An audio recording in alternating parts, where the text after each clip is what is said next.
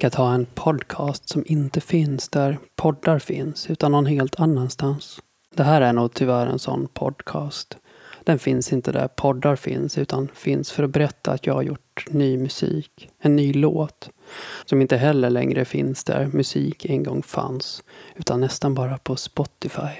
Ett fruktansvärt själlöst ställe som säkert inte är särskilt mycket mer fruktansvärt än en massa andra ställen. Musik fanns, så som jag minns den, på blandband från kids med bra koll. Ett annat typiskt ställe var på blandband från kids med dålig koll. Vi försökte i alla fall. Musik fanns på märkliga bootlegs och kanske på förfester man till sist hamnat på efter att i åratal aldrig någonsin blivit bjuden någonstans. I mp3-kataloger utan ordning eller kanske på en lista i ett fanzine eller när ens favoritklubb firade något jubileum på ett ölhak och gav ut en CDR. Där fanns det musik. Kanske är det här nu det enda som gör att min musik faktiskt fortfarande finns. Det känns så.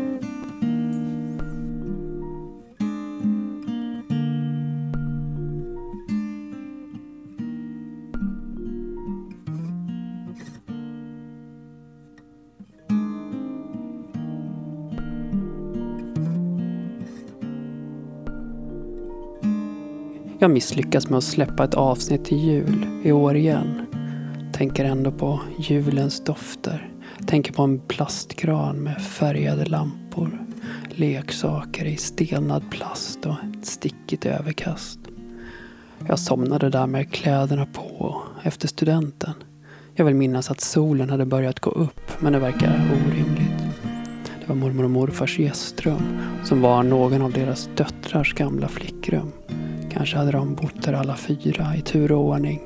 Nu var där en svårstädad heltäckningsmatta och doft av gamla spruckna plastleksaker kvar. Och så den konstgjorda granen som doftade bränd plast på julafton.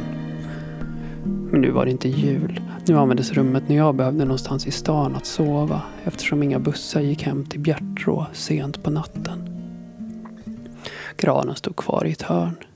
För att ta sig hem från fester när man var 15 krävdes det att man hade goda kontakter med någon bilburen ungdom som dessutom var nykter. De som vi nedsättande kallade raggare och jag orkade aldrig med några sådana oheliga allianser. Jag orkade knappt med mina egna vänner, vårt skräniga rockband exempelvis. Det var oklart om vi orkade med varandra. Jag gick runt med en plastpåse i bakfickan ifall jag skulle spy och dricka alkohol. Det var inte charmigt utan bara neurotiskt. Jag hade förstått att man lätt kunde spy och just att spy verkade vara höjden av pinsamhet. Istället fick jag bara hicka i kylan där vid ån. Vilket var ännu mer pinsamt egentligen. Det är svårt att äga sin hicka.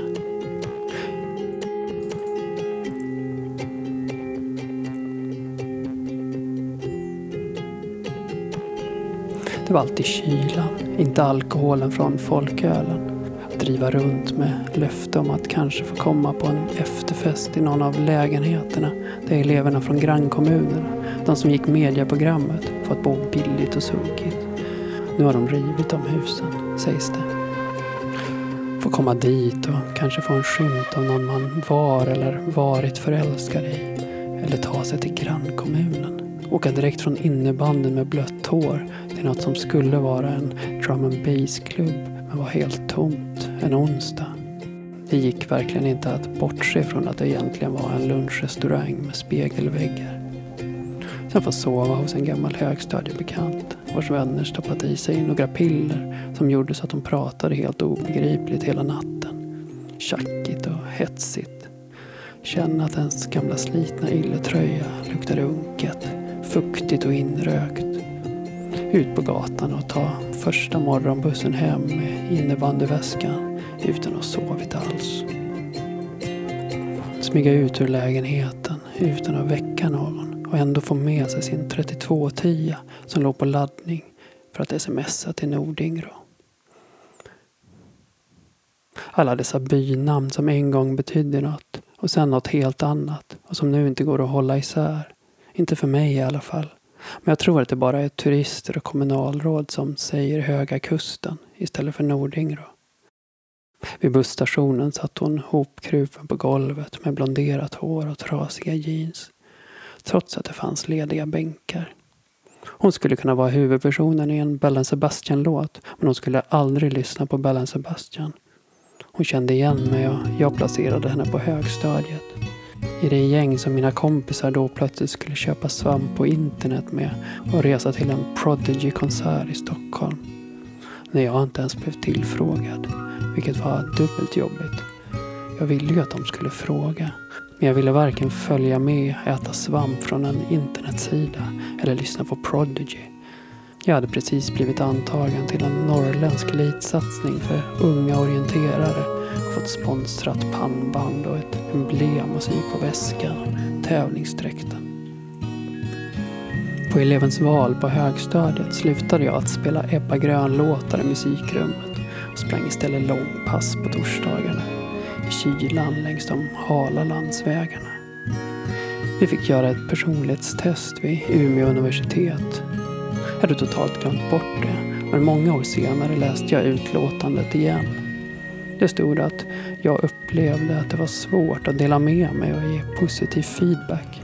Att jag därför upplevde det svårt och tvivlade på min förmåga att tillföra något positivt till en grupp eller till ett socialt sammanhang. Det gjorde mig ledsen på riktigt, sådär 25 år senare. Jag trodde att det hade varit mina egna tankar. I 20-årsåldern kämpade jag alltid med känslan av att alla sociala sammanhang, fester, promenader eller fikastunder antagligen skulle bli trevligare för alla inblandade om jag bara höll mig långt ifrån dem. Hade något billigt personlighetstest placerat de tankarna i mig när jag var 15?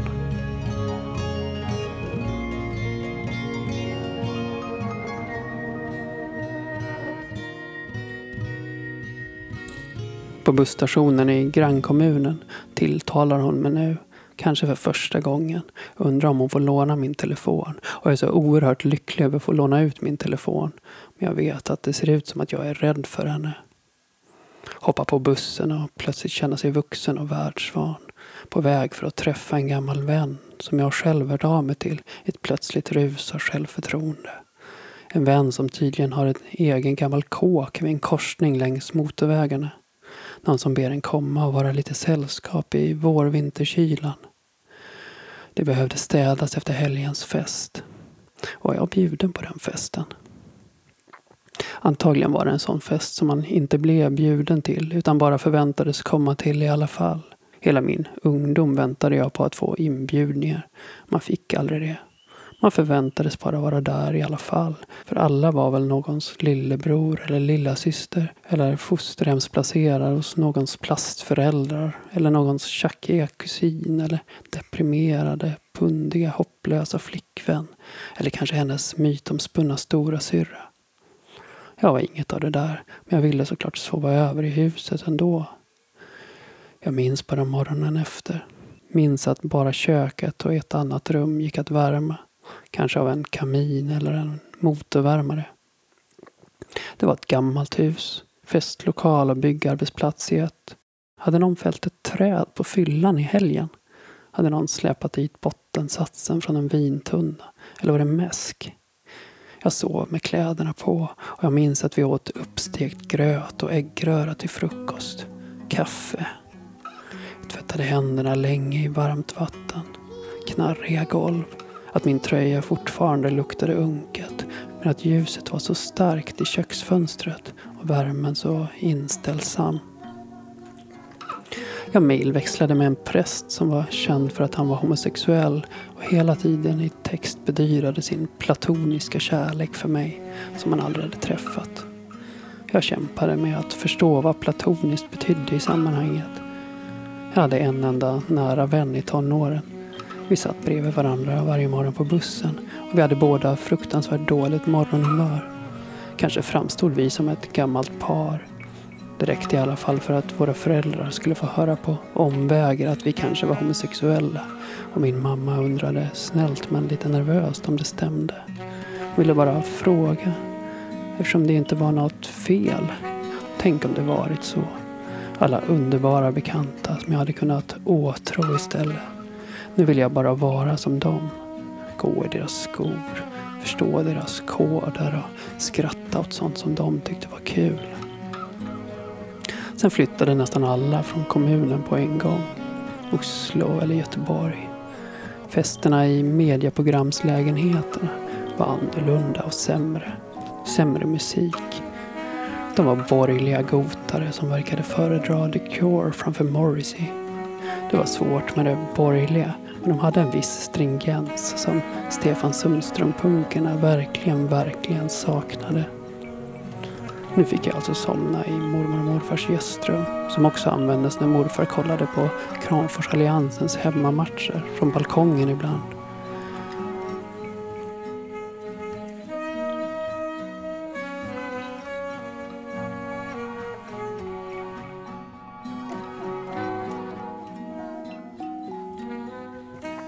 Sen är det jul 2020 och jag tänker alltså på julens dofter i vår ensliga stuga i inre Skåne. Jag tänker på den där plastgranen. Hur mycket mer den betyder än allt på julbordet. Jag får ändå ett kulinariskt nostalgiskov och vill baka mormors småkakor. De sega.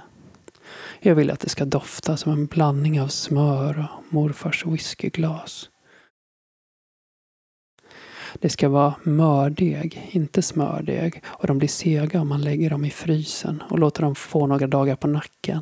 Dränkta i glasyr med ättika och lite citron. Assa somnar till P3 på radion. Housemusik. Det är mysigt. Basen i den lilla radion studsar mot de tunna dragiga fönstren och ut i den skånska natten. Hon har varit otrevlig och dryg, märkt ord och allt är inställt på grund av pandemin. Jag har också haft en dryg attityd, märkt ord, retat mig på taftalogier och folk som säger och istället för att, eller positiv när de menar optimistisk. Du gillar ju inget brittiskt, säger min fru när jag frågar varför hon börjat se en deckarserie helt på egen hand utan mig. Jag blir sur. Förklarar att jag inte gillar dåliga brittiska polisserier. Och sen rabblar jag sånt som jag gillar. Massor av brittiska serier. Hon orkar inte lyssna på mig. Jag kollar på Twitter istället. För ibland känns det som att det faktiskt är något av en plats som jag kan relatera till. Som en fest jag inte blivit bjuden till.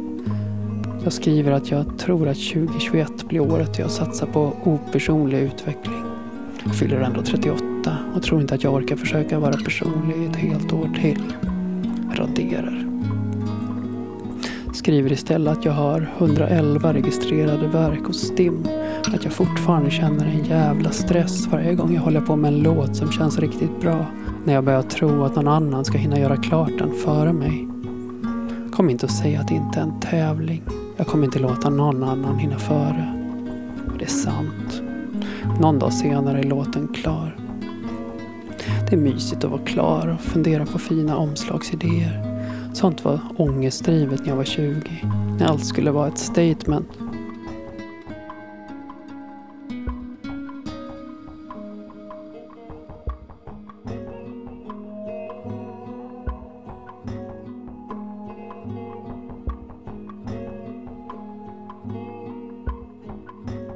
I Malmö igen. Jag springer tre mil ut på fälten i decembermörkret mellan köpcentren i Burlög och Stora Bernstorp. Springer vilse i mörkret på en åker där grusvägen plötsligt tar slut. Ser den gigantiska upplysta Bauhaus-skylten på en pelare i horisonten vid motorvägen. Hjärtat ökar på. Ska jag gena över åkern? Det är så mörkt och jag är redan försenad. Jag kommer inte hinna hem till middagen. Min fru och min dotter kommer bli oroliga och de är redan oroliga för mig och mitt fysiska skick. Jag har ont och illamående på kvällarna. Nästa morgon springer jag istället efter det gamla övergivna tågspåret mot Staffanstorp. Förbi det lite hemliga koloniområdet med alla duvslagen och energicentralen där en skylt hotar med höga böter om man utlöser utomhuslarmet över motorvägarna och stenbrottet och sen är man plötsligt på landsbygden. På hemvägen blir jag biten av en hund i armen. Det är två tyskar med dyra friluftskläder och jag ser inte deras hund när jag springer förbi. Den morrar som på film och jag känner styrkan i käkarna fast den bara markerar över min handled. Klämmer till utan att det riktigt knakar. Jag springer vidare och hör inte vad de ropar efter mig. Kollar armen i farten och ser att det i alla fall inte kommit något blod. Jag tar en bild på toaletten. Jag ser för jävlig ut. Orakad och mager. Och nu är hundbiten också. Det är ändå en fantastisk känsla.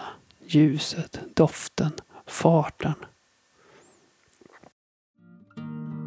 Fredagsmyset är som vanligt bara att jag gråter för att min dotter gråter. För att hon är lättgråten. När Sarah Dawn Finer gråter åt lite vad som helst på TV. På måndag tränar min dotter simhopp och jag springer mitt långpass. Måste springa snabbt för att hinna med mina 25 kilometer på de två timmarna. Det är kallt och snart stjärnklart ut efter den folktomma promenaden längs ribban.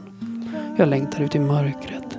Längtar tills om en mil när jag passerar brofästet ute i bäckmörkret och hör Öresundstågen dundra förbi ovanför huvudet. Om jag inte är förberedd tappar jag nästan alltid orienteringen i tid och rum där vid bron. Märker att jag tänker på den som Älvsborgsbron i Göteborg. Tror att jag spanar mot hissingen och inte mot Danmark. Eller så plötsligt tänker jag på Höga Kustenbron. Men nu tänker jag på Malmö. Att vi säkert är på väg härifrån och att Malmö inte kommer märka när jag försvinner. Och att någon annan bro till något annat obekant kommer att passeras i ett tempo som är både långsamt och alldeles för snabbt på samma gång. Det var inte den känslan jag ville åt med den här låten. Tvärtom. Det var känslan av att vakna upp någonstans och vilja bli kvar.